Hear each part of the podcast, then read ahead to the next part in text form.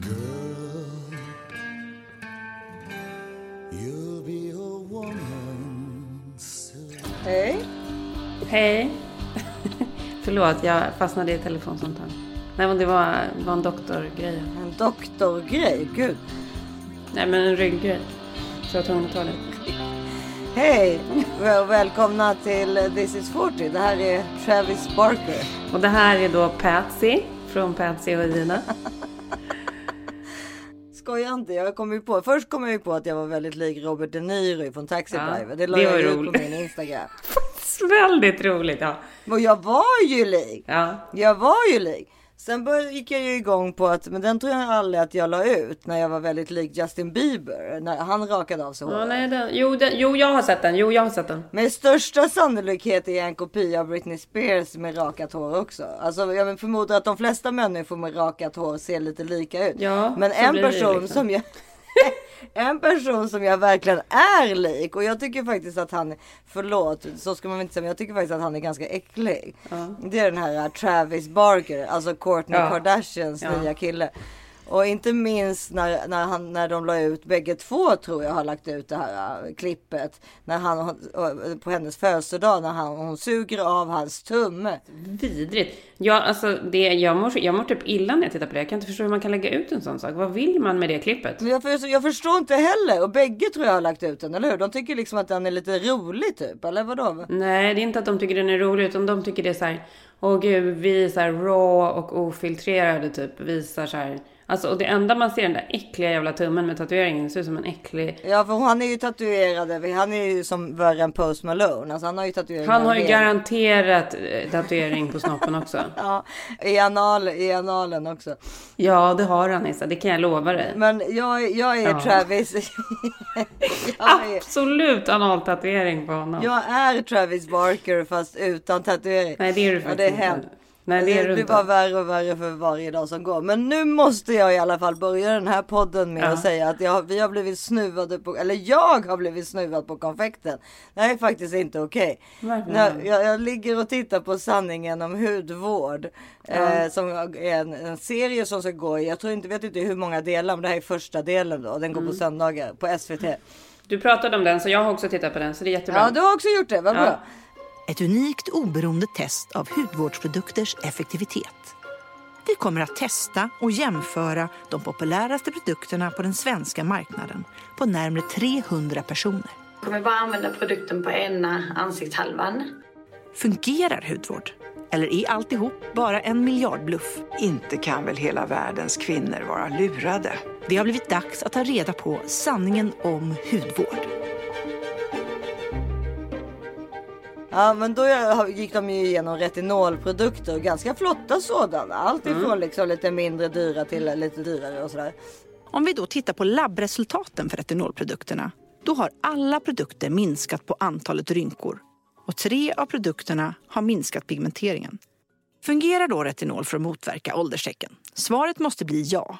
Men vi har ett resultat kvar att redovisa som förändrar förutsättningarna helt.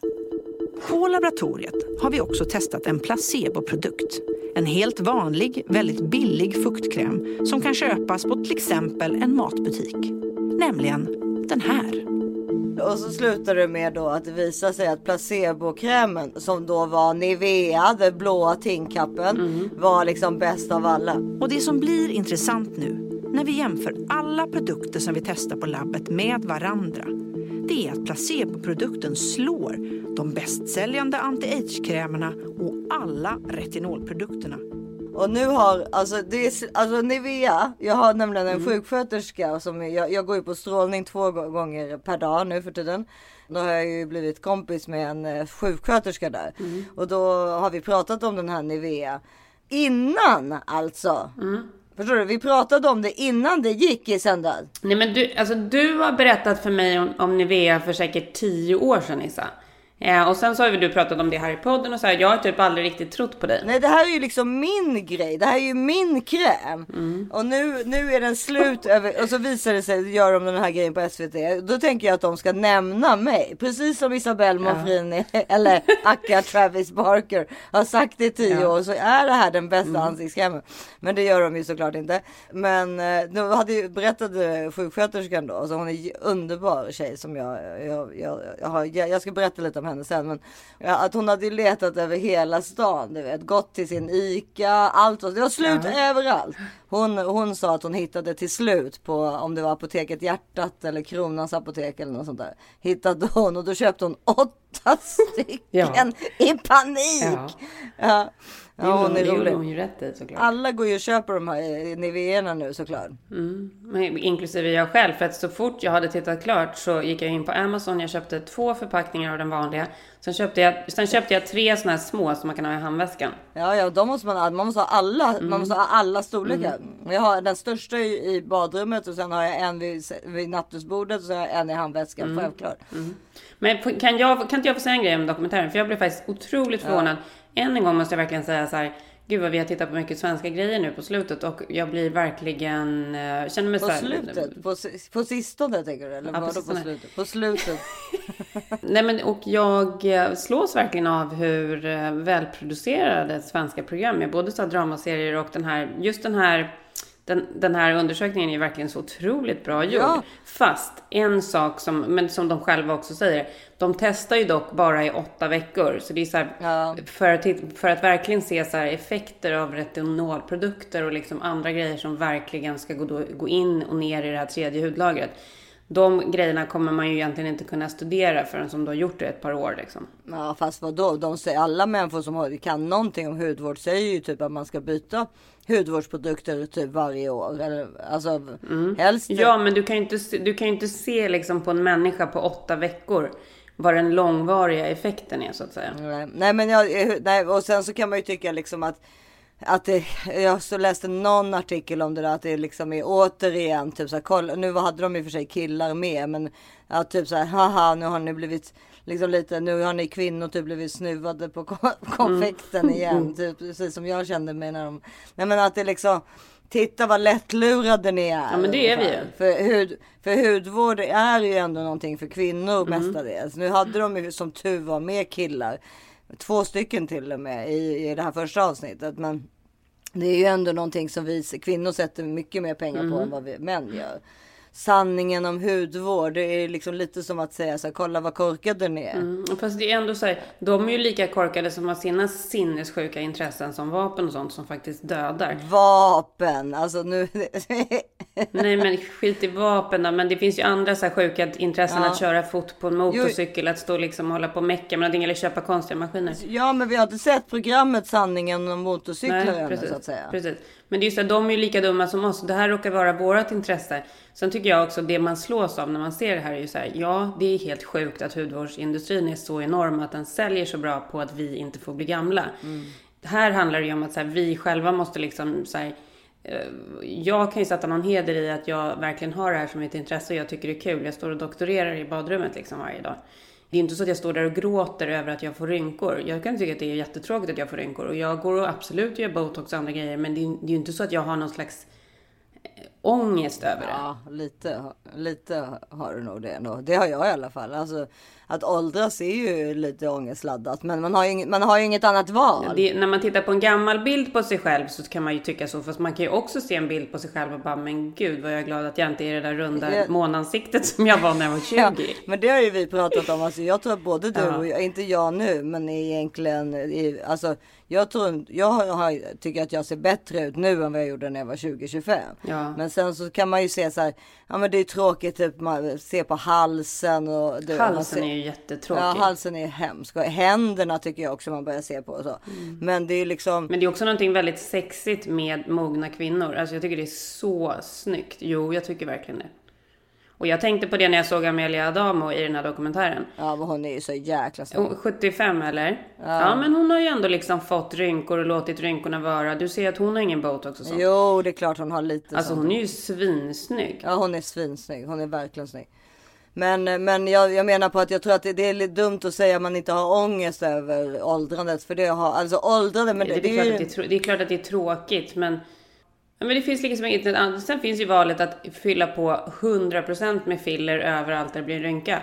Och det gör ju vissa människor och är jättenöjda med det och jag fyller på lite här och där. Men jag, jag personligen kommer absolut inte stå och fylla på rynkor så att jag blir liksom uppblåst. För det är jag inte intresserad av. Jag vill vara snygg liksom. Ja, och det är du. Det är väl inte så och det är du. konstigt? Och, och, men men det, det roliga är att du då efter du såg sanningen om hudvård köpte Nivea Tinkup. Du, du litade inte på mig utan det var efter du såg tv-programmet som du, du gick och köpte den. Jag har många gånger tänkt på det. Jag har ju köpt den stora Nivea som säkert är samma som den här som är pumpen. Den, den Ja, det- ligger jag... Nej, inte, inte den i pump, inte samma. Nej okej, på men den är ju världens bästa hudkräm annars för hela kroppen. Den kör jag hela tiden. Ja, den är skitbra. Den använder jag också. Den Det är bara pump, också. pump, pump, Ja, pump. alltså att inte jag har fått bli Nivea-ambassadör ännu, fan, det, det är faktiskt ett skämt. Ja, det är det verkligen. Men för Nivea har skickat saker till mig. Ja, efter, eftersom jag har lagt Ja, det har de gjort. Men de borde ju tänka så här. ska de det där, då, då, jo, det borde de. Det har de, det har de faktiskt gjort. Ja. Men, men de borde ju tänka liksom så här. Herregud, alltså nu, nu behöver de ju inte det, för nu är det ju slut i hela stan. Ja. Men innan det här programmet så borde de ha tänkt så här. Herregud vad hon lägger ut Nivea hela tiden. Mm. Och det har jag ju gjort för att vara schysst mot alla våra lyssnare. För att det Mm. är världens bästa kräm. Det är Punkt otroligt. slut. Och den Nej, är ju bra till allt. helt- Jag sätter den på fötterna också. Issa, det är helt otroligt. Det är helt otroligt det här. Mm, ja, det är helt otroligt. Det här är en revolution för plånboken också. Ja. ja, det är... Nej men du vet, en, vad Din kost- en- en- plånbok en- kommer vara i chock. Den kommer Ja, bara, du har plånbok glömt att vara köpa i någonting. Nej, det kommer bli helt otroligt. Ja. Ja, det blir jävligt spännande. Henrik kommer bli väldigt, väldigt nöjd. Ja, exakt. Ja, nej men så är det. Men något annat man tog med sig då från programmet, vad var det då? Var det några serum eller någonting som egentligen funkade på riktigt? Ja, det var- Retinol finns ju riktiga bevis på att det funkar. Precis, det är ju det, det är väl egentligen den enda som det finns riktiga bevis på att det funkar för, för rynkor. Men, det, men det var ju då att de här eh, produkterna de använde hade visade ju ibland då lite effekt och ibland mer effekt på den andra sidan som inte hade använt någonting. Men jag det tycker var det är svårt med två sidor också för att det är klart att du råkar liksom Du vet, du kanske sätter dem på massa på ena sidan och Mm. så har du kvar på handen tillsammans med din. Alltså, du vet, alltså, det är ju svårt att göra ett sånt test. Men sen är ju, sen är ju ansiktshalvorna olika. Alltså de är ju inte identiska. Så du har ju säkert en sida som ser äldre ut i alla fall. Ja, jag vet. Jag, min vänstersida är ju min dåliga sida. Det är där tumören är också. Jag vet, så, så är det ju. Vänstersidan. Och det är den sidan som nu efter, du har ju ändå varit här i LA i typ 15 år, suttit i bilar och liksom den sidan har ju liksom varit mera utsatt för sol och så förmodligen. Ja, armar och så tänker du, eller vadå? Mm. Nej, ansiktet också. Och Varför skulle det vara? Nej men snälla Issa, det här kan du inte ha missat. De har ju gjort sådana där tester där de har liksom gjort... Jo, men jag menar, jag har ju väl hela sidan, hela mitt ansikte visar väl solen, inte Jo, det är bara vänstersidan. Det här har de ju gjort på så lastbilschaufförer och alltihopa och folk som bor i sådana här städer. Ja, man sitter ja, lite så, att du får eller? liksom en... Du får du, alltså så här, alla timmar som du har spenderat i bilen då den andra sidan inte har utsatts för solen har då den här sidan utsatts för. Jaha, ja, jag förstår inte riktigt, men ja. Vi kan ta fram så många, jag kan ta fram så många bevis jag på det här. Nej, men det går genom bilrutan. Jo, men varför ska, sitter man lite snett då eller? Ja. ja det är det man Ja. gör. Okej, jag förstår. De har ju Ja. röntgat så här folks Ja, ansikten. För jag tänker också att man håller sin hand utanför fönstret till exempel. Då måste ju det vara ännu värre. Och det är Mm. ju vänsterarmen. Men hur som helst så, så, så alltså det är- vad var det Julio Iglesias? Mm. Han, han blir bara plåtad från ena, från hans good looking side. Mm. Som han tycker själv då. Så där finns det ju säkert må- många just kändisar som har koll på vilken sida de ser bäst ut i. Absolut. Nej men det är ju speciellt, allt det där är ju, man man, alltså det är ju speciellt allt det där med hud. Alltså man, man, man spenderar ju och köper massa nya saker och blir, eh, alltså man går ju verkligen på reklamen fortfarande så att säga. Ser man någon, Absolut. eller, eller bara en kompis som säger den där är så bra och så köper man ju den och så. Och det är ju, det är ju så här helt fel psykologi egentligen, eller helt fel bara för att det beror ju på om jag har, jag har ju en helt annan hy än du. Så bara för att den är bra på dig betyder inte att den behöver vara bra på mig. 100%, Men det som, det det, som den kommer fram till och det som jag har sagt hela tiden också i podden är att det som du måste hela tiden tillsätta är fett, fett, fett. Alltså Mm. fukt och fett, fukt och fett, fukt och fett. Och det gör ju, det är ju det Nivea gör och det är ju det som de säger Mm. också. Att det, det visar sig då att det är det liksom ultimata tricket. Att du, du får liksom inte bli torr utan du ska hela tiden se lite svettig ut på grund av att du satt på dig kräm. Ja. Så då, då har vi det avklarat helt enkelt. Bara det, då har ni svårt att hitta Nivea-krämen kanske. Men... ja. Men jag kunde ju köpa den på Amazon i alla fall. Jo men du är ju i Amerika. Det är ingen som har sett sanningen om hudvård där.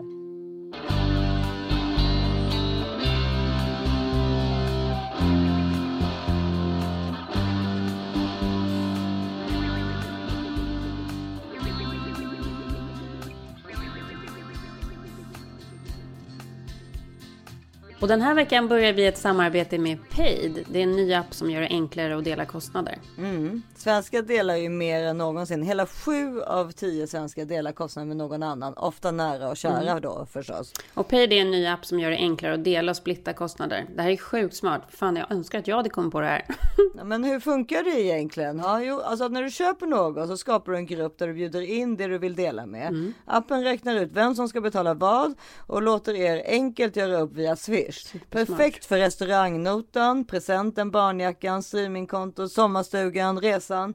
Paid gör det enkelt att hålla koll på de delade kostnaderna tillsammans helt enkelt. Men alltså det här är så himla smart för att man ofta så, känner, ofta så glömmer man ju bort eller så känner man så här, gud jag vågar inte påminna den här personen, det är pinsamt. Jaha. Ja, det här liksom blir hur enkelt som helst. Ja. Det finns en ny funktion som gör att man enkelt kan dela och ha koll på upprepade utgifter då som typ hyra, försäkringar, dagisplats, musiklektioner för barnen, fritidsintressen. eh, Eller som du som spelar paddel. Om man bokar paddelbanan liksom. Ja, det är precis. hur smart som helst. Ja, man skapar enkelt den upprepade utgiften i appen, ställer in hur ofta den ska upprepas och lägger in bilder på kvitton eller fakturor. Alltså det, det här är ju verkligen igen Upper Alley eftersom vi inte kommer ihåg någonting. Så himla bra. Paid är gratis att ladda ner i App Store och i Google Play. Kolla upp P-A-Y-D. Paid heter den. Mm. Väldigt, väldigt smart. Kostar ingenting att ladda ner, men kommer hjälpa dig att ha koll på plånboken. Så bra. Ladda ner och lär er mer om paid. Så smart. Men du eh, Karin, vi är ju fortfarande den här veckan sponsrade av eh, Albert, eh, våran digitala mattelärare. Precis. Eller, eller, eller, eller ja, både våra och barnens. Men vad ville du bli när du blev stor? Alltså vad var din dröm när du, när du var liten? Ja, men jag tror att egentligen när jag var liksom riktigt liten så ville jag faktiskt bli, jag var ju så väldigt lat, så att jag ville ju bli typ provsmakare på en sån här godisfabrik eller någonting. Ja, ja. Men, nej, men för jag vet ju att om jag hade haft mer hjälp, för jag tyckte egentligen att skolan var ganska kul, men jag hade ingen som hjälpte mig. Och när jag väl förstod saker, då tyckte jag ju att det var kul. Men jag förstod ju nästan aldrig någonting. Men det är ju precis så det är. När någonting är kul så blir det ju mycket bättre. Det är Ja. ju då det liksom klickar. Men det här är ju det som är grejen. Gud, jag blir så himla... När jag börjar prata om det här så blir jag så upphetsad. Missar man någonting i början, som särskilt då med matte som är ett av de svåraste ämnena. Det är liksom det svåraste ämnet genom hela skolgången tycker jag. Missar man grejer i början, då, jag säger inte att det är kört, men det är liksom inte särskilt bra. Det är därför man verkligen ska se till att ens barn och en själv får hjälp med matten från första början. Och att ha en, liksom, den här digitala hjälpen, en app där barnen kan gå in och köra matte på ett kul sätt från början, kommer hjälpa och gynna allihopa. Albert har tagits fram av lärare, forskare, pedagoger och vet vad just ditt barn bör kunna i enlighet med gällande läroplanen. Det vet inte du. Nej, och det går från all- förskolan till 16 års ålder dessutom. Och handen på hjärtat alltså, alltså inte för att vara taskig, men vet du ens hur matematikläroplanen ser ut? Nej, ingen aning. Ingen aning. Nej men man vet ju inte det och plus att de lär sig ju matte på ett helt annat sätt så man måste ha sån här hjälp nu för tiden. Så det är bara att surfa in på hejalbert.se, gå runt där lite och kolla läget och ni, och vårat erbjudande är dessutom helt sinnessjukt för går man in på hejalbert.se så kan man testa en he- helt gratis fram till sommaren utan bindningstid. Exakt. Så bra, gå in på hejalbert.se, gör det nu, missa inte. Gör det bara. Ja.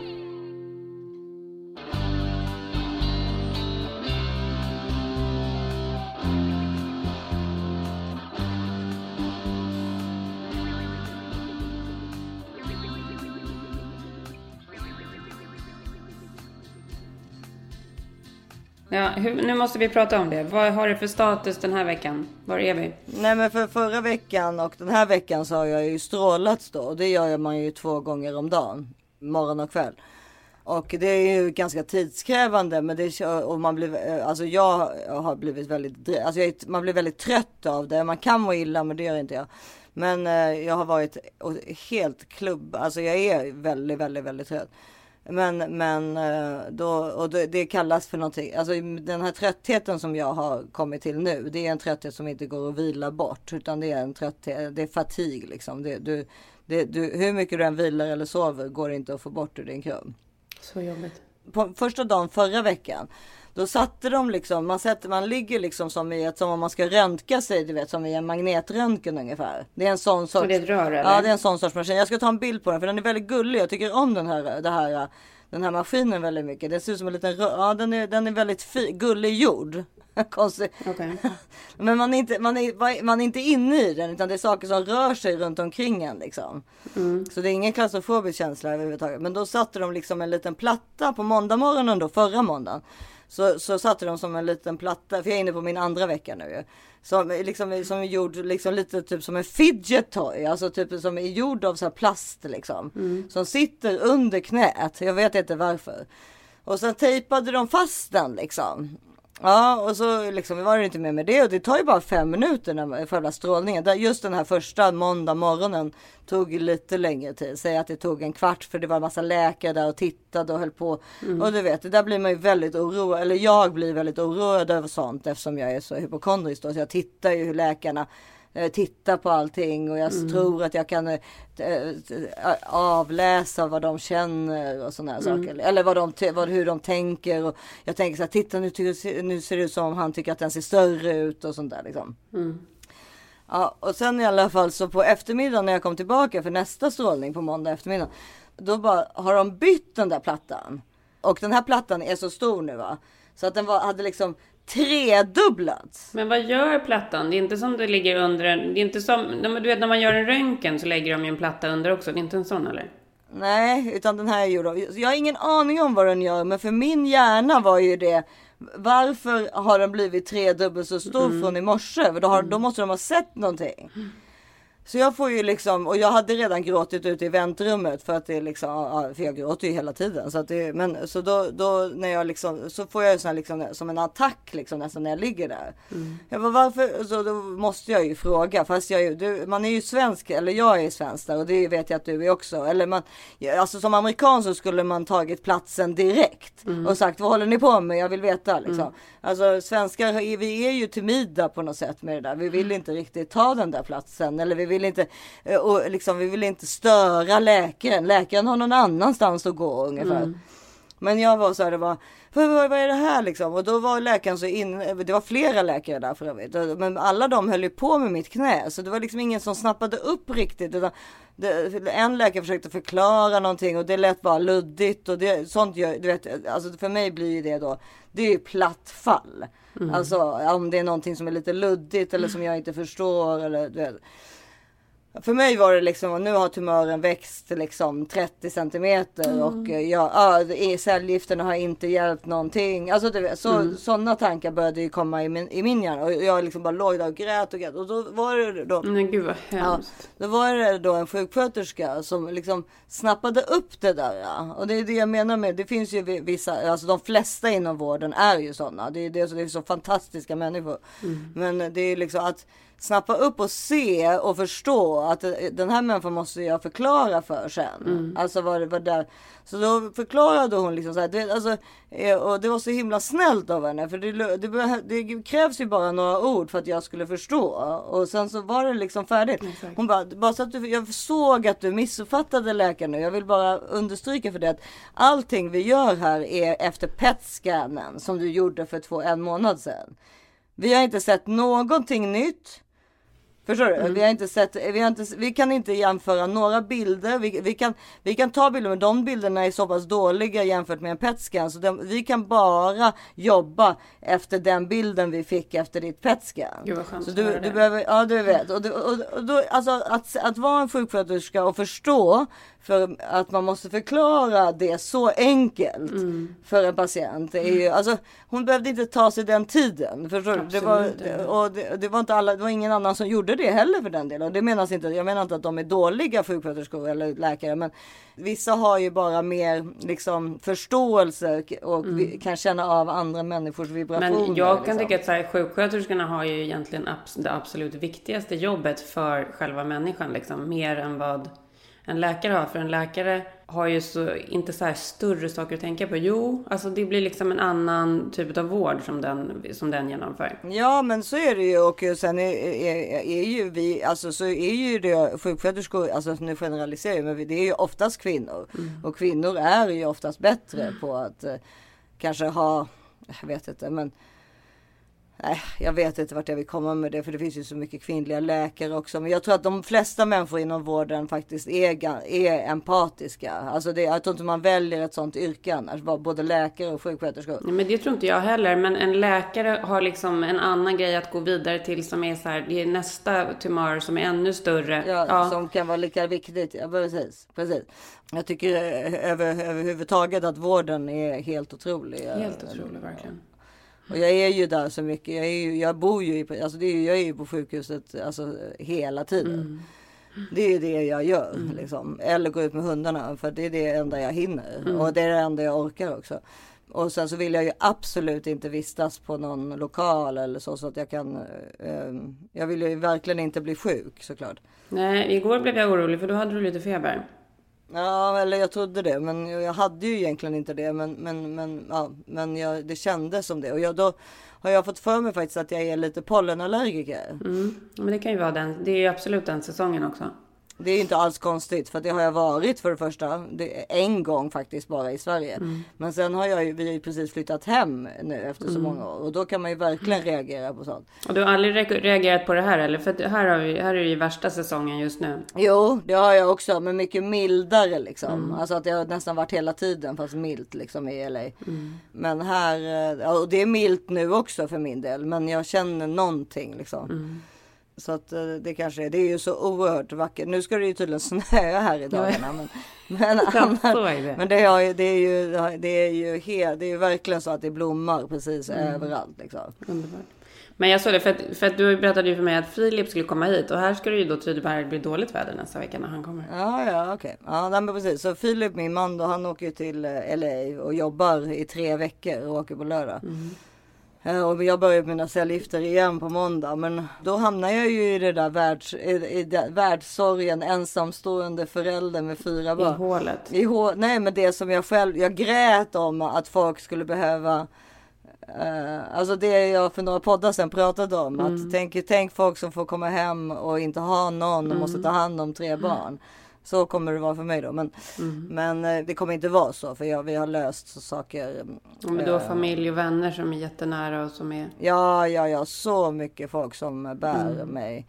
Men det som kommer vara tufft tror jag är ju att Filip har ju liksom under hela den här perioden varit liksom mitt eh, ankare eller vad man ska säga. Ja, det kan man, det kan man verkligen säga. Mitt ankare.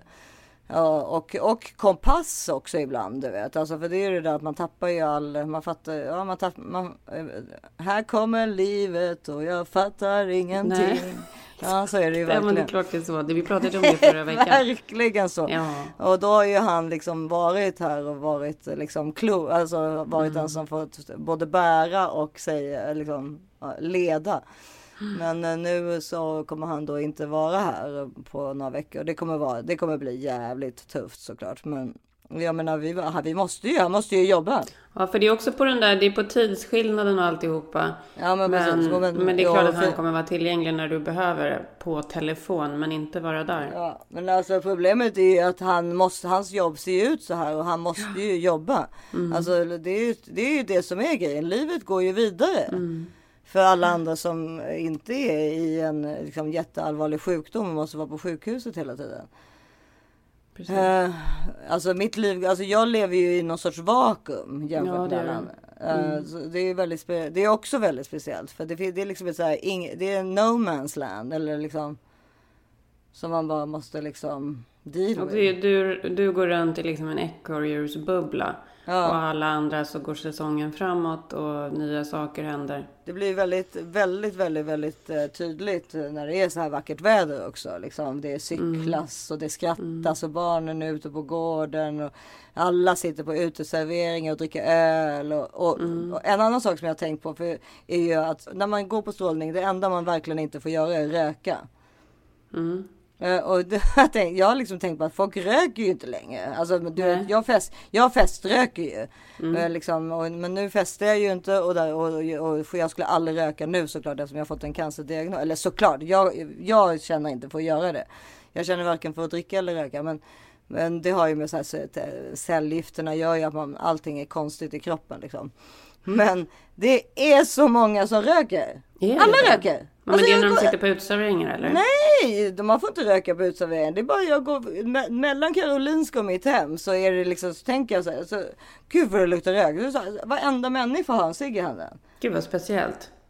Men det är ju för att du har bott här så länge och, och här röker ju inte folk. Här röker folk gräs. Ja. Men det, det är liksom, det kan, den där gräslukten känner man ju typ varje dag. Men Att se en folk som rö, se en folk, se en människa som tänder en cigg, det har inte jag sett på hundra år och dagar.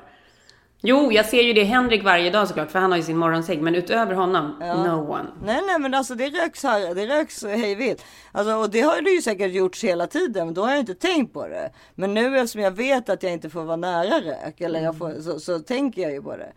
Eller nära rök. Det är väl viktigt är väl att jag inte röker själv. För det har väl med läkningen att göra. Eftersom man strålar. Men det vet man, var, varje gång man har, när man har varit rökare, jag kommer ihåg när jag var rökare och bröt lårbenet, då sa de verkligen till mig Ja, så att efter operationen. om, Nej men då sa de till mig att om du röker nu, då är du, alltså de sa verkligen så här, då är du så korkad så att, alltså du kommer liksom förstöra Efter typ, operationen, ditt- eller? Ja. Ja, men jag kommer ihåg precis. Och det, det här Och jag gjorde ju det så. För att du var ung. Ja, jag vet. Men nej, men för att det är så här, för det är liksom det absolut sämsta för all läkning. Mm. Ja, vilken läkning den är liksom.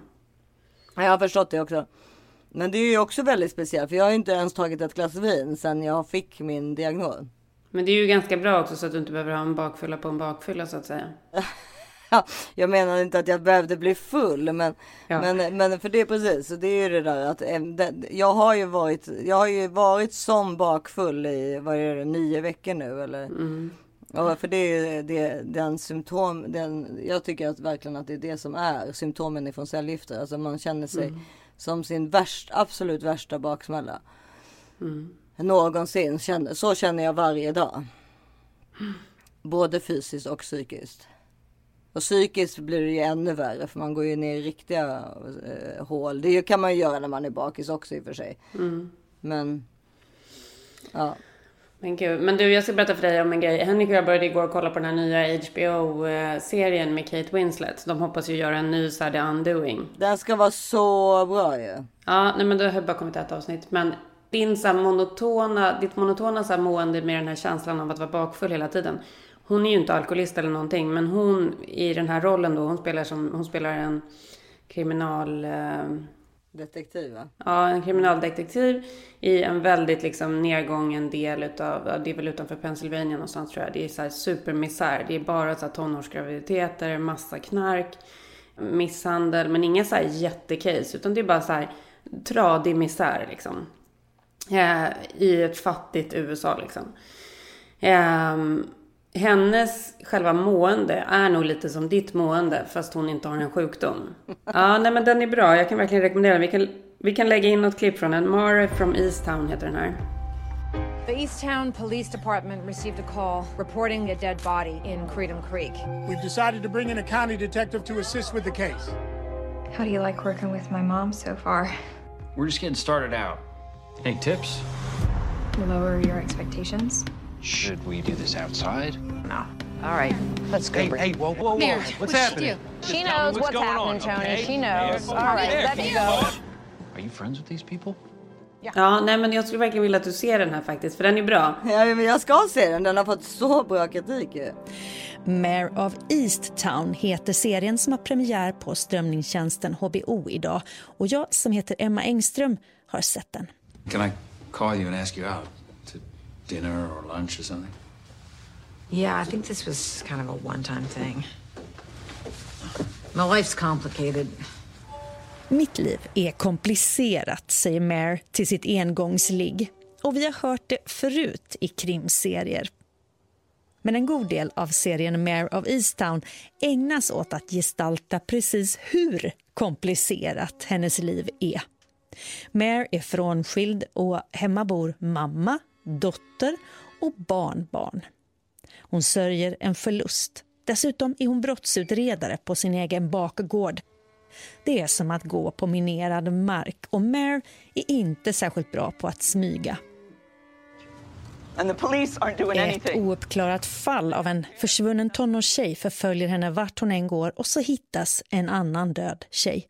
För att vara tydlig, Mare of Easttown är inget nytt under krimhimlen. Det är så dåligt namn. Då, Ja, dåligt men hon titel. heter Mare. Ja men man blir ändå inte sugen. Nej. De borde ha bytt titel. Ja, nej, men jag håller med. Man kan beskriva den som en kvinnlig True Detective eller en varm The Killing. Men har du en berättelse som liknar mycket annat, skicka in Kate Winslet och hon kommer göra den unik. Det gör hon också här.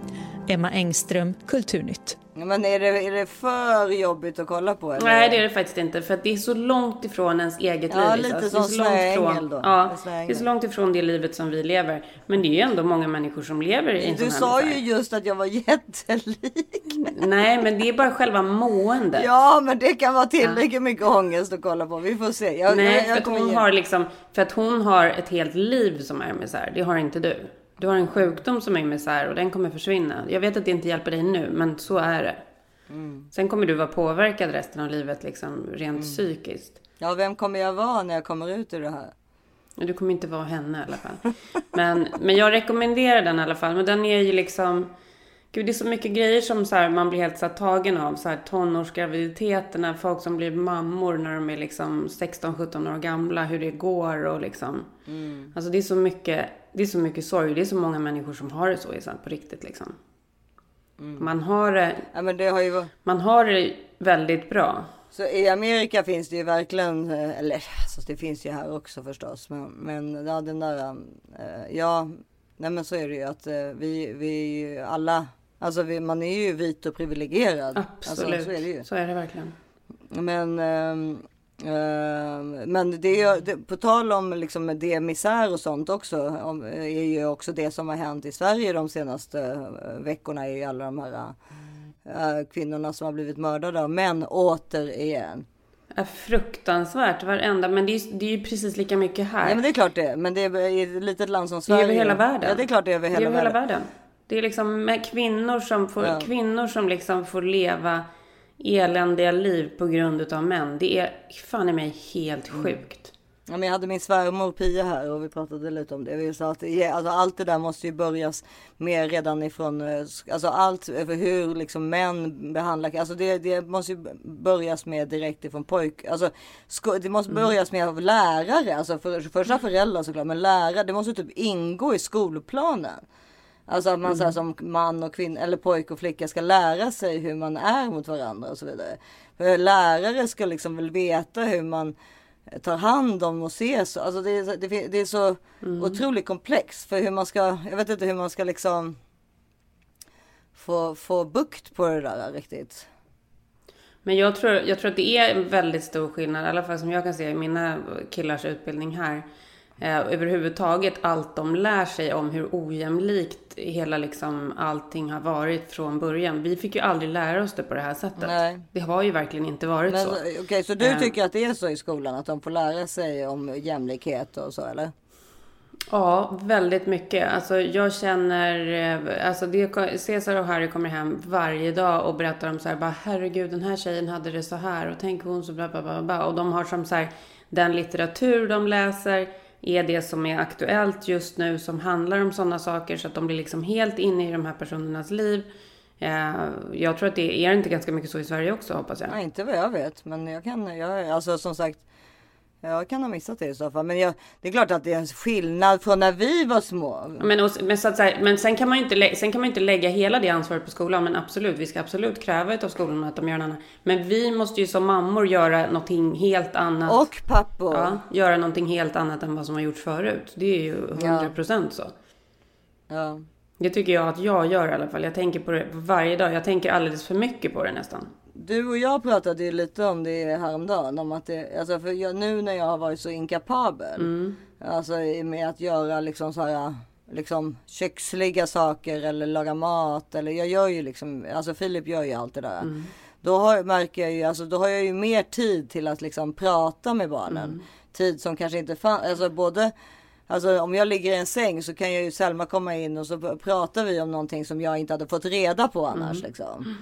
Eh, Men hade, för då hade jag höll på att- laga mat. Och, alltså, alltså, jag, alltså, jag kom fram till att det kanske det var så att är det ultimata föräldraskapet är egentligen att mannen skulle göra allt det där som det liksom traditionellt kvinnliga är då. Mm. Alltså om man säger typ då eh, ta hand om hemmet liksom. Och så ska kvinnan då vara den som, or- som pratar om med, om med känslor med sina barn, både sin, ja, sina pojkar och sina flickor. För att då kanske det, för att vi, vi är ju bättre på det bara. Ja, det är väl klart att vi är. Alltså nu generaliserar vi ju igen, men vi är ju faktiskt bättre på Men det. det- det är inte generalisering. Vi är bättre på allting. Så är det. Men problemet är att vi inte har tid eller ork med det. För att vi är så slut efter att ha både då Alltså nu Mm. pratar jag om en kvinna generellt och jobbat och sen kommit hem och vet oj barnen ska på simträning och vara i badbyxorna upp med hem, hämta dem Mm. och sen så ska det lagas mat och ska det handlas mat sen ska diskmaskinen tömmas sen ska det vikas tvätt och så vidare. Mm. Och sen så när, när det väl ska nattas då är det liksom godnatt puss på munnen stäng dörren fort som fan Mm. så att de inte hinner säga någonting. Ja. Nej, men, men om det då skulle vara tvärtom, att mannen bara jobbar och sen kommer den hem och gör, tar hand om allt det husliga. Mm. Då skulle ju vi orka, och, och, för våra barn behöver ju det för att då till exempel inte ska ske eh, kvinnomisshandel och så Mm. vidare. Eh, Då, då behöver ju våra pojkar, vi behöver sitta vid sängkanten och prata med dem om Mm. hur, eh, hur världen ser ut och, all, och så vidare. Och, men det, det är liksom... Men jag håller med dig om allt det här. Men hur skulle detta gå till? Då skulle det så här lagstadgas att de så här, de fick typ inte betalt om de inte gjorde det här. Nej, nej, men jag menar, jag, det, det kommer inte funka. Men jag menar att jag ville, det var bara en, en, analys, en Mm. hypotes om hur världen skulle kunna sett ut. Jag Men tycker det är jättebra. det är jättebra. Men det, och den är inte helt, den är inte helt, eh, alltså snälla, jag är ju både på strålning och cellgifter och har cancer. Ni Ja. måste ge min, min hjärna en, eh, alltså jag vet inte riktigt ifall det är, är, jag vet inte riktigt vad jag säger om man säger så. Men... Jo, men det här är helt rätt. Men det här är också så här. Var, som, som är precis allting. Som så här, när jag sitter och kollar på Instagram så hamnar jag i mitt rekommenderade flöde. Det ser helt annorlunda ut än Henriks rekommenderade flöde. Man behöver ju det liksom få histor- man behöver få historier från olika delar av världen som inte kommer till en naturligt då kanske. Till exempel lyssnade idag på en podcast, jag kan berätta om den senare, om, som handlade om eh, förlossningsdepression. Om män hade fått lyssna på den podcasten innan deras fru skulle få deras första barn så skulle de kunna hålla ögonen öppna för en massa saker som de aldrig någonsin skulle kunna förstå annars. Ja men precis, exakt. Så att du Verkligen. skulle liksom behöva göra så här, den här podcasten handlar om hur mammor pratar med pojkar eller så här, det här skulle du som pappa behöva lära dig. Alltså man, de behöver ju liksom, vi kan ju inte bara sitta här och generalisera att de är dumma i huvudet. Det är ju problemet är att de inte har fått. De rätta verktygen. Ja, exakt. Ja men precis som i den där filmen, vet, har du sett den? Kära pappa, Ja. som Emanuel Karsten har lagt upp. Den, den är väl gjord för ett par år sedan. Eh, men precis lika aktuell idag som då kanske ännu mer just nu faktiskt. Det finns ju liksom en hel del att ta till sig från den. Hur man måste prata eller vad man måste göra. Eh, vi, får, vi spelar upp en snutt av den här. Kära pappa. Jag vill bara börja med att säga tack för att du passar mig så bra trots att jag inte ens är född än. Även om jag vet att du försöker hårdare än Stålmannen. Låt inte ens mamma äta sushi. Vill jag be dig om en tjänst. Varning. Det handlar om pojkar. Eftersom jag kommer vara en flicka. Det betyder att när jag är 14 kommer jag att bli kallad hora, lesbisk, billig och många andra saker av pojkarna i klassen. Det är bara för skojs skull. Något som killar gör. Så du kommer inte ens att oroa dig. Och jag förstår ju det.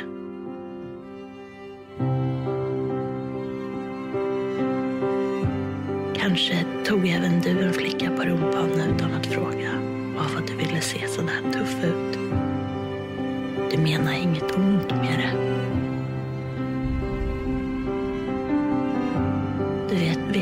fattade ju inte att det bara var ett skämt. Och konstigt nog var det inte flickorna. Det var några av pojkarna. Så när jag fyllde 18 har ett par av dem smugit ner handen i mina trosor när jag är så full att jag knappt kan stå. Även om jag säger nej skrattar de bara.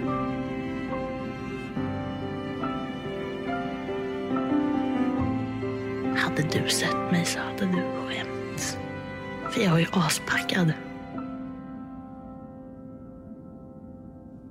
Inte så konstigt att jag blev våldtagen när jag är 21. 21 och på väg hem i en taxi som körs av sonen till killen som du simmade med varje onsdag. Han som alltid berättade ett skämt lite på kanten. Men det var naturligtvis bara ett skämt så du Acceptera inte skämt från konstiga killar i poolen. Eller kamrater för den delen. För skämt har alltid en viss sanning i det. Kära pappa.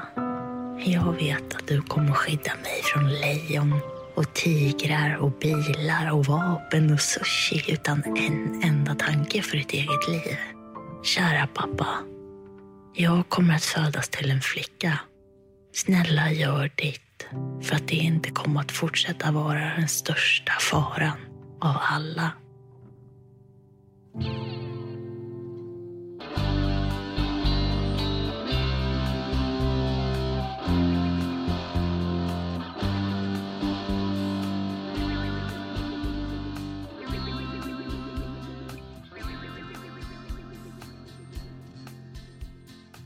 nu fortsätter ju vårt underbara samarbete med vår underbara partner Glacial Bottles. Åh, gud som jag älskar de där flaskorna. Så snygga. Ja. Och inte bara snygga, för vi kan inte bara tänka på att saker ska vara snygga. Nej, men de är för mig är de väldigt funktionella för att jag Mm. menar, jag, det, det jag gör nu är ju promenerar Mm. eller är på sjukhus och då tar jag ju alltid med mig, för jag tar med mig en Ramlös också, det måste jag villigt erkänna. Mm. Men jag tar ju alltid med mig min glacial bottle också fylld med kallt vatten. Mm.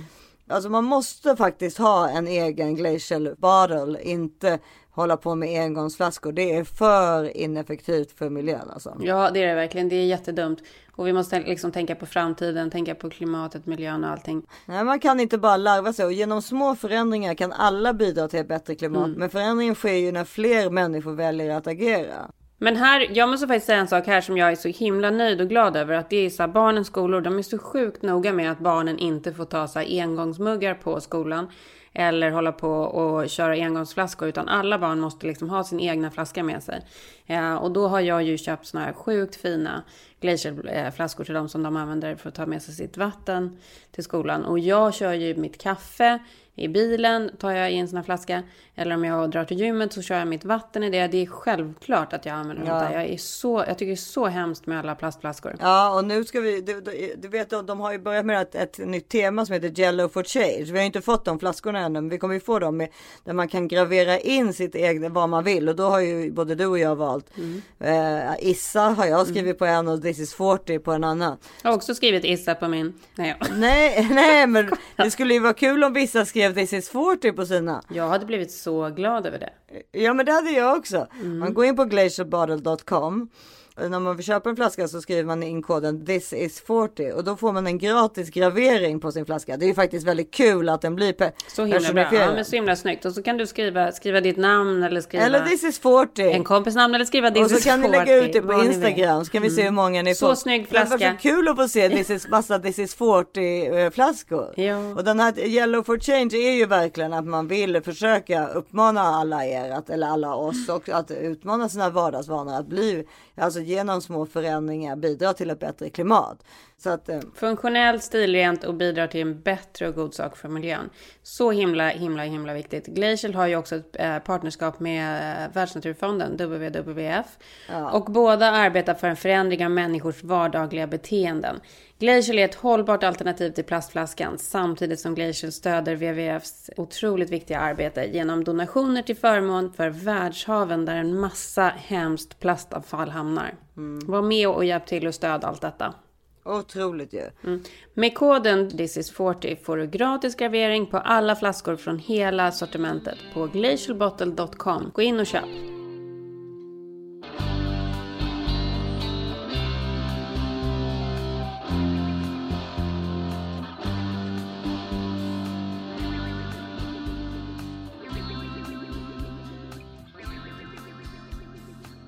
Men vad var det för podcast du lyssnade på? Nej, men för det tänkte jag prata om känner kommer. För att jag var ju med om en grej i helgen. Det har inte jag berättat för dig, men det var faktiskt helt sjukt. För vi har hållit på i vanlig ordning med så här, tomten och krukor och plantor och hus fram och tillbaka, kartonger, bygga, städa. Där. Vi liksom... Ni renoverar fortfarande. vi håller på. Eh, söndagen tillbringade jag med att liksom bära saker fram och tillbaka till gästhuset. Samtidigt så hade vi precis lagt nytt gräs och så fick jag inte gå på gräset så jag var tvungen att gå på kanten på poolen. Och fy vad jobbigt. Ja. Ja, med massa så tunga lådor. Har liksom värsta tvångstankarna alltid att jag ska falla och liksom spräcka huvudet på olika sätt. Ja. Alltså det är något så psykiskt problem som jag har med mig. Ja. Eh, och helt plötsligt så händer det ju. Jag halkar på kanten. Men hade du flip-flop på dig också eller? Ja, det kanske jag hade. Halkar på kanten. Alltså, hinner tänka, nu dör jag. Eh, Henrik står vid grillen. Han bara, herregud, du kunde dött. När jag ligger där i poolen. För då har jag liksom alltså huvudet var alltså en centimeter från poolkanten. Men alltså, jag, Så- så varför läskigt. händer såna här Ja. saker dig hela tiden? Jag Nej men så inte. läskigt. Det var liksom det sjukaste fallet. Men då kom Henrik med båren igen. Nej men jag kunde inte ta mig upp för jag hade gjort det, för att jag hade så ont i revbenet så att jag liksom, jag bara, du måste bryta ett revbenet. Ja, det är klart. Men det, revbenet blev ingenting, men det som det blev var ryggen. Så det var därför jag var i samtal med en doktor här innan. För då i alla fall, jag får jätteont i ryggen. Jag bara måste hitta någon som jag kan gå till, någon kiropraktor eller något. Och det här är det konstigaste. Den här historien är så konstig. Så vi ligger inne på This is 40 igår. För du hade sagt att jag skulle göra någon grej där. Så var jag inne på vårt This 40-konto och hamnar i det rekommenderade flödet. Jag är så trött på att jag hamnar i de här jävla flödena som jag aldrig kan ta mig ur. Och där i det flödet. Ja, vad händer det- där? Nej, där i det flödet så ligger det ett inlägg från Hillary Duff som precis har fått sitt tredje barn tror jag. Ja. Och hon bara, jag är med i fantastiska Dr. Berlins podcast den här veckan om min, min förlossning. Jag bara, Dr. Berlin, gud vad konstigt.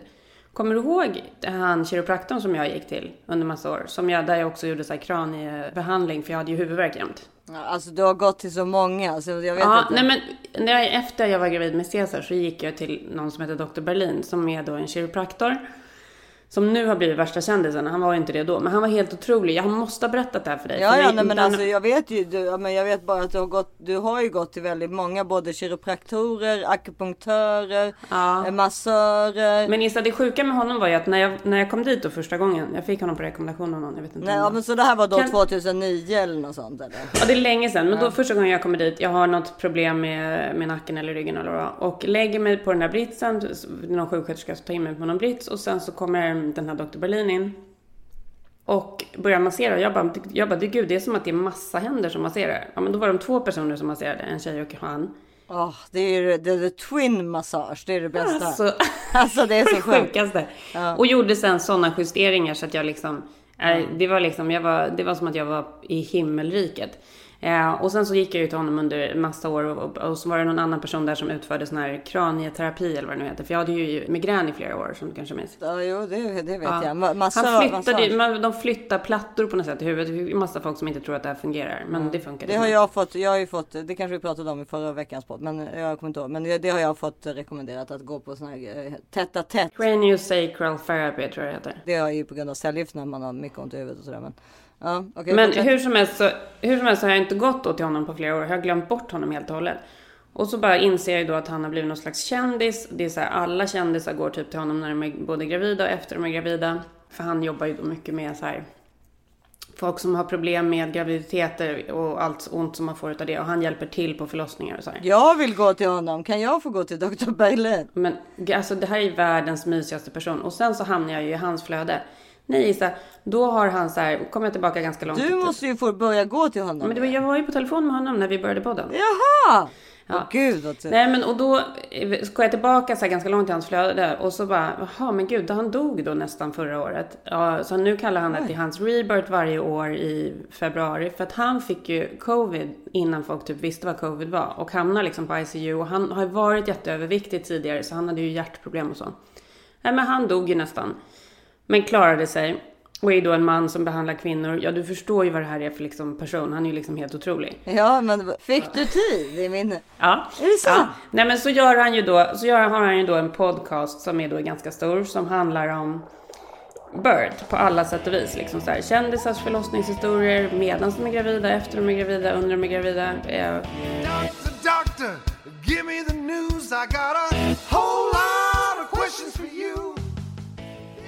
Och den för historien som jag då lyssnade på idag. Nu ryser jag Isa, för det var faktiskt så jävla härligt.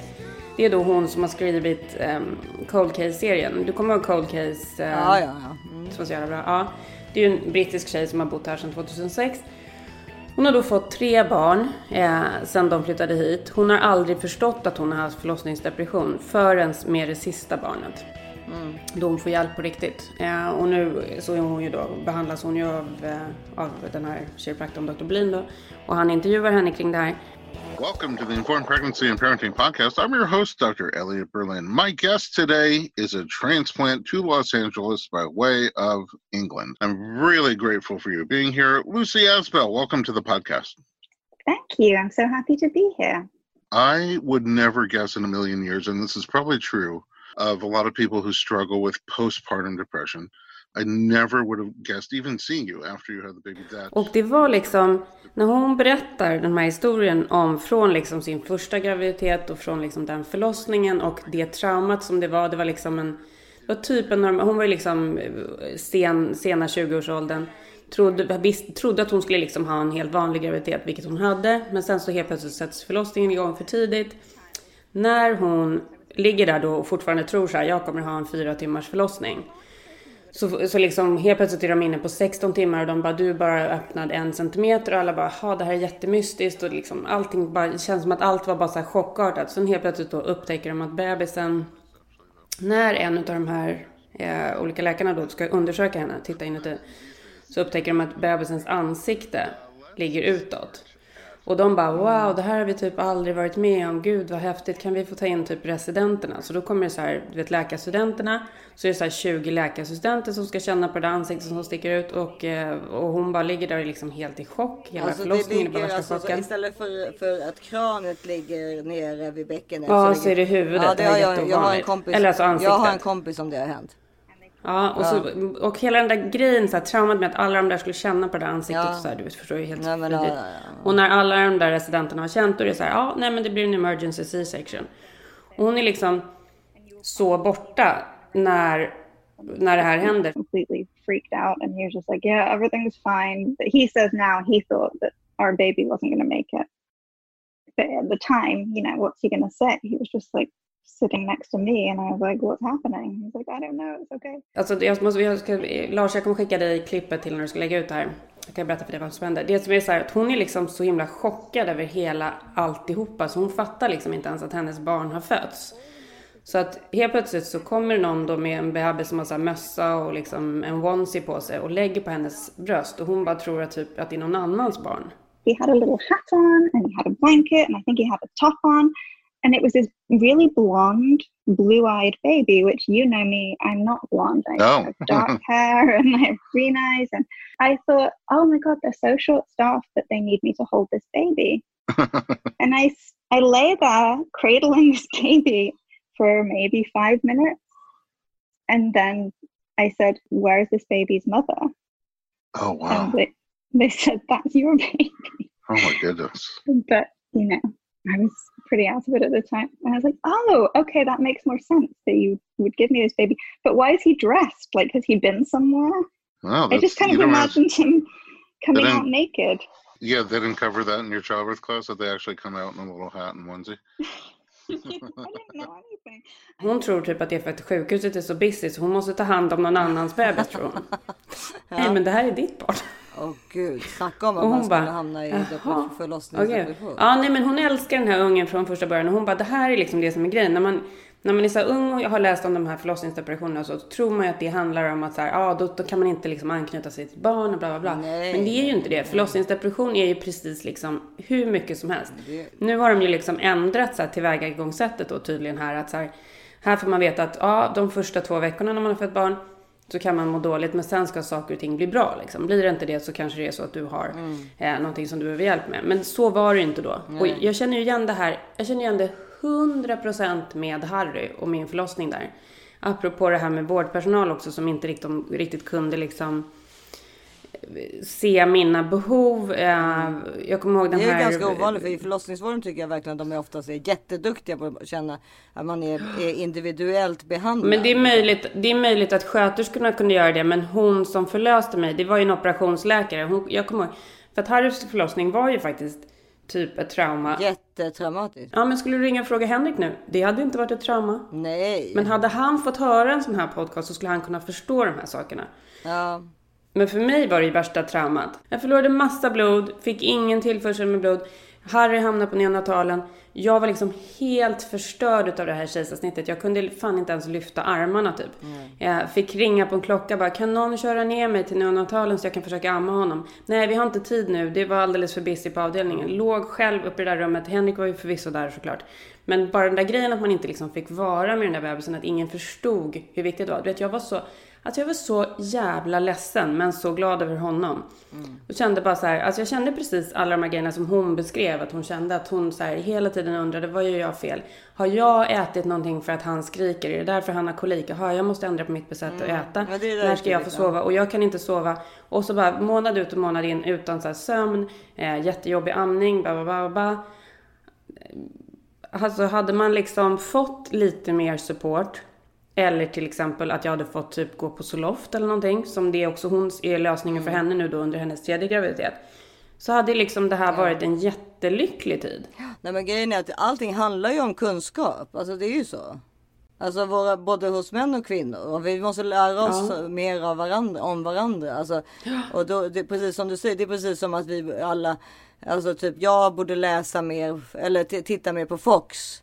Alltså få Mm, se, precis. inte bara läsa, titta och läsa saker från min bubbla. Alltså, Nej, för, läsa saker från andras bubblor. ja men precis, för att inte kolla i det rekommenderade flödet. Lyssna på andras historier. Det tycker jag i och för sig att du är så jävla bra på det Issa. Det är liksom en av dina styrkor att du är så intresserad av andras historier. Folk som inte liksom är i samma som dig själv. Ja, ka- ja, jag vet inte, men, men jag vet i alla fall att män måste bli, måste, alltså det, det, jag tycker det är jättebra, det, alltså den grejen att liksom bara få män att lära sig mer om till exempel förlossningsvården. Istället för att titta på så här lyckliga historier. Ja, alla borde lyssna på det där. Männen borde typ lyssna på det där avsnittet innan deras fruar ska få barn. Ja, för att det här skulle kunna det- hända. ja. Och när frun är i det eh, och har fött det där barnet, då vet man ju inte det. För det är en situation som man själv aldrig har varit i.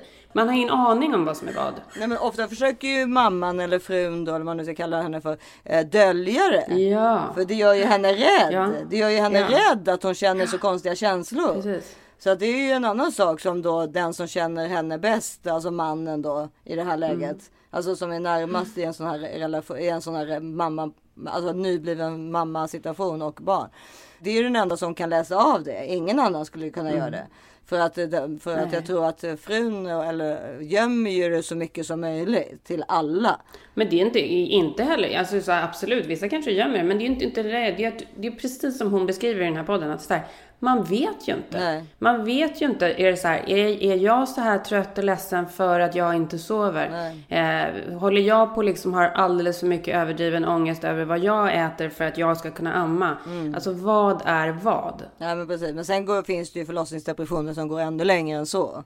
Och det har ju till Det är klart att det varit- finns det. Men det är ju det som, men det grejen det finns ju, det finns ju hela registret där ute. Det är ju det som är grejen. Man själv tror så här att jag är inte drabbad för jag älskar mitt barn. Det är inte det det handlar om. Nej men precis, men kunskap är väl det i alla fall som vi kan ta med oss. Att i alla, och, och vi behöver lära oss, alltså kvinnor kanske inte li, behöver lära sig också, kanske inte lika mycket som män. Men, men, Vi behöver inte lära oss om män. alltså. Men det är väl så här, ja, man måste liksom... Typ hur meckar man med en motorcykel på bästa Ja, men vidga sina vyer liksom. Nej, men faktum är att just för att jag skojar ju såklart med den motorcykeln, men just för att göra våra söner till bättre män. Än, Alltså Mm. så att inte, eh, alltså så att man hoppas på att nästa generation att det inte händer lika mycket allvarliga och liksom misshandel och eh, död helt enkelt. Och så, Mm. problemet vad som har hänt i Sverige. Det, men jag tycker, det är helt för mig, det är så obegripligt att det är så här illa som det är. Ja, men problemet vad som har hänt i Sverige är ju, och jag vet inte ifall det är så över hela världen, det är det säkert, men nu bor jag här. Jag kan bara, är ju liksom att eh, kvinnan ofta blir, eh, gör- görs till åtlöje, alltså som det har varit i de senaste Mm. fallen med Lamberts och eh, vilken var den senaste där efter Lamberts? Eh, ja, Soran Ismail. Vi, vi börjar Mm. med Virta, men ja, hela, alla de där så blir det ju inga dom och kvinnan får, liksom gömma sig och bli hånad på nätet och bli eh, Ingen som vill anmäla en våldtäkt när man, med tanke på vad man läser. Nej men precis, och det, det blir ju att man inte kan, alltså man, alltså det, det, blir, det leder ju till att, att kvinnor inte vill eller vågar anmäla. Absolut. De vet ju att det det inte leder 100%. till någonting i vilket fall. Och även om det skulle leda till åtal så skulle det typ, vad, vad får de så här 50 000 i dagsböter? Typ. Ja, det är helt sjukt. Alltså det är liksom, det är inte Det är värt helt det. sjukt. Det är, som att vi, det är som att vi inte är värda någonting. Det är, liksom Nej, det, man, det är det man säger med dem. Ja. Eftersom att man inte blir trodd, eftersom Ja. att eh, det inte leder till någonting. Eh, förutom liksom ett otroligt, eh, förutom att man blir, blir ännu mer utsatt. Ja men precis. Man är redan kränkt och sen blir man ännu mer kränkt. Ja, Det finns ju många som står på barrikaderna och försöker få det att bli bättre. Det gör inte du och jag. Men, men det, alltså vadå, man gör ju så gott man kan. Men jag, det finns ju folk som verkligen kämpar eh, för att det ska, ska bli bättre. Och eh, vi får väl bara hoppas att det kommer bli det också. Ja, men alltså så här, jag tror ändå så här, nej absolut vi står inte på barrikaderna men vi är ju med och säger ifrån. Eh, och försöker stötta dem som gör någonting. Ja, självklart. Vi är mammor till döttrar också, men vi är också Ja. mammor till pojkar. Och det är ju också Precis. så här, det är det viktigaste som finns. Att vara mamma till det ena eller andra könet, eller till hen. Vi måste liksom, vi har de här barnen till låns en liten tid och det, vi kan liksom göra väldigt mycket med vad de tänker och tycker. Vi kan ju inte liksom ändra deras personligheter. Jo men man kan göra skillnad. Man kan göra Vi kan skillnad. vara med och påverka otroligt mycket. Ja, hur framtiden Och vi ska inte ja. förvänta oss att de kan och vet allt och att de inte vill höra vad vi säger. Ibland får vi vara jobbiga liksom. Ja, alltså det är man väl alltid. Det, det hör väl till. Mm. Ja, har vi några beauty-tips?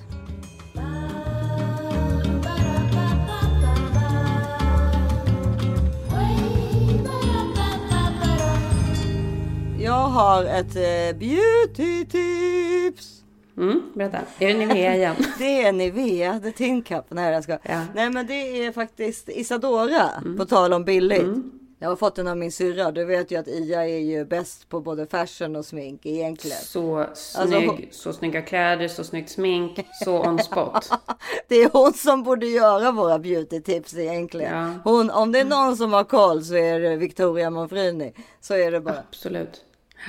Kan inte vi få lite tips om henne hur man har en bra hållning? För det hade jag velat ha. Ja, dansa balett. Finns det ingen som har bättre? Finns det ingen bättre hållning? Dansa balett 20 år av ditt liv. Börja när du är två år gammal. Jag är liksom, jag är ringaren i Notre Dame bredvid henne. ja, det är alla. Hon gick ju på Svenska Operabaletten. Så det är därför hon har den här hållningen. Och eh, till, igår, eh, hon, hon skickade med en påse med massa smink och grejer till, till Selma som hon hade fått av olika människor. Ja, och då, men så hade hon en påse till mig också med två par Lidl-strumpor. Ja, de är snygga. och de är så sjukt Mm. snygga. En antibacterial för att jag inte ska bli sjuk. En sån här. Och sen då den här Isadora. Den heter Gloss Stick Stylo. Och det är, så, det är SPF i också som du gillar. Nej men gud, sluta. Ja, och då, så den är alltså som en lypsyl fast med lite färg. Nu kommer jag sätta på får du se. Jag tycker den är jävligt läcker alltså. Så snygg. Eller kan hur? du sluta? Ja, och det här är, jag det här är nummer 30. Den heter Sunshine Red. Isadora Gloss, Stick Stylo. Jag måste skriva upp den i, no- i noten här, vänta. Ja, SPF 15. Vänta. Gloss sticks, vänta. Isadora. Gloss stick Stylo nummer 15. Ja, nej, nummer 30. Nummer 30. Ja. Så bra tips Issa. Ja. Jo, och sen, så min peruk har kommit. Och på fredag ska Jonas då så, så, äh, klippa till den lite, för nu ser den lite konstig ut där framme. Så att äh, då får ni se bild på det nästa vecka också. Tänk om jag kommer ihåg så tänker jag att jag, alltså jag spelar in lite utav det. Men eller så är det omslagsbilden. Och spela in. Se till att den här spänns åt. Ja, just det, precis. Och sen så vill vi inte att den här liksom lace-biten. Nej, här- den måste vi ta bort va? Nej, den behöver vi inte ta bort för det är ju polisongen. Alltså du kan ju till och med ha, ser du Ebba, hon kan ha Ja, polisong. För det är ju bra om du ska ha uppsatt. Ja, men då kan man klippa lace-bit. Men det här man nog inte här. Nej. Nej, håret är, man känner ju att det är bra kvalitet, det måste jag säga. Ja, Det är någon du liknar. Jo, jag vet vem det är. Lucy. Det Lucy tycka. Dallas. Alltså det ser ju så sjukt bra ut måste jag säga. Men här är liksom... Vad gör man med den där konsten? Först vill vi liksom se till att den här... Alltså, det var det sjukaste. Du till Dr. Berlin? När fick du tid hos Dr. Berlin? Nej, jag har tid nästa vecka. Alltså så intressant. Men Issa, jag önskar att du var med där för det är så mysigt att gå till honom så att... Ja, men jag, om det är någon jag behöver så är det väl Dr. Berlin med twin massage och kraniemassage. Ja, det är det faktiskt. Det är så här massage, kiropraktor, psykolog, du vet. så hela mysigt. kör. Det Och är så här, precis vad jag skulle behöva. en man på kvinnornas sida. Det är jag, Dr. Berlin for life. Okej, tills ni hör oss igen då nästa vecka så hittar ni oss på Instagram som thisis40, thisis40podd. Ja, och jag heter Isabelle Monfrini. Och jag heter Karin Bastin. Puss och kram. Puss puss!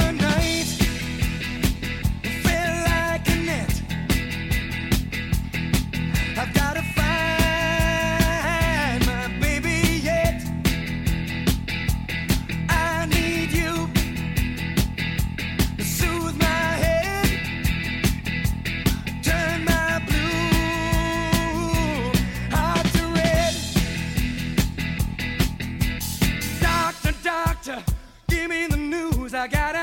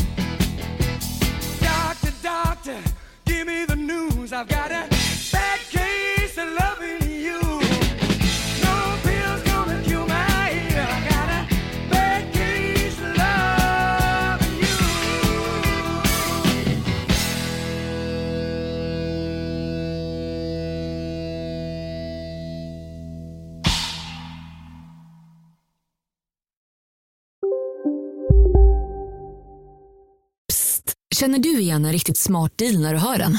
Träolja från 90 kronor burken. Byggmax. Var smart. Handla billigt. Just nu till alla hemmafixare som gillar julast låga priser. En slangvinda från Gardena på 20 meter för vattentäta 499 kronor. Inget kan stoppa dig nu. Dåliga vibrationer är att skära av sig tummen i köket. Ja! Bra vibrationer är ett och en tumme till och kan scrolla vidare. Alla abonnemang för 20 kronor i månaden i fyra månader. Vimla! Mobiloperatören med bra vibrationer.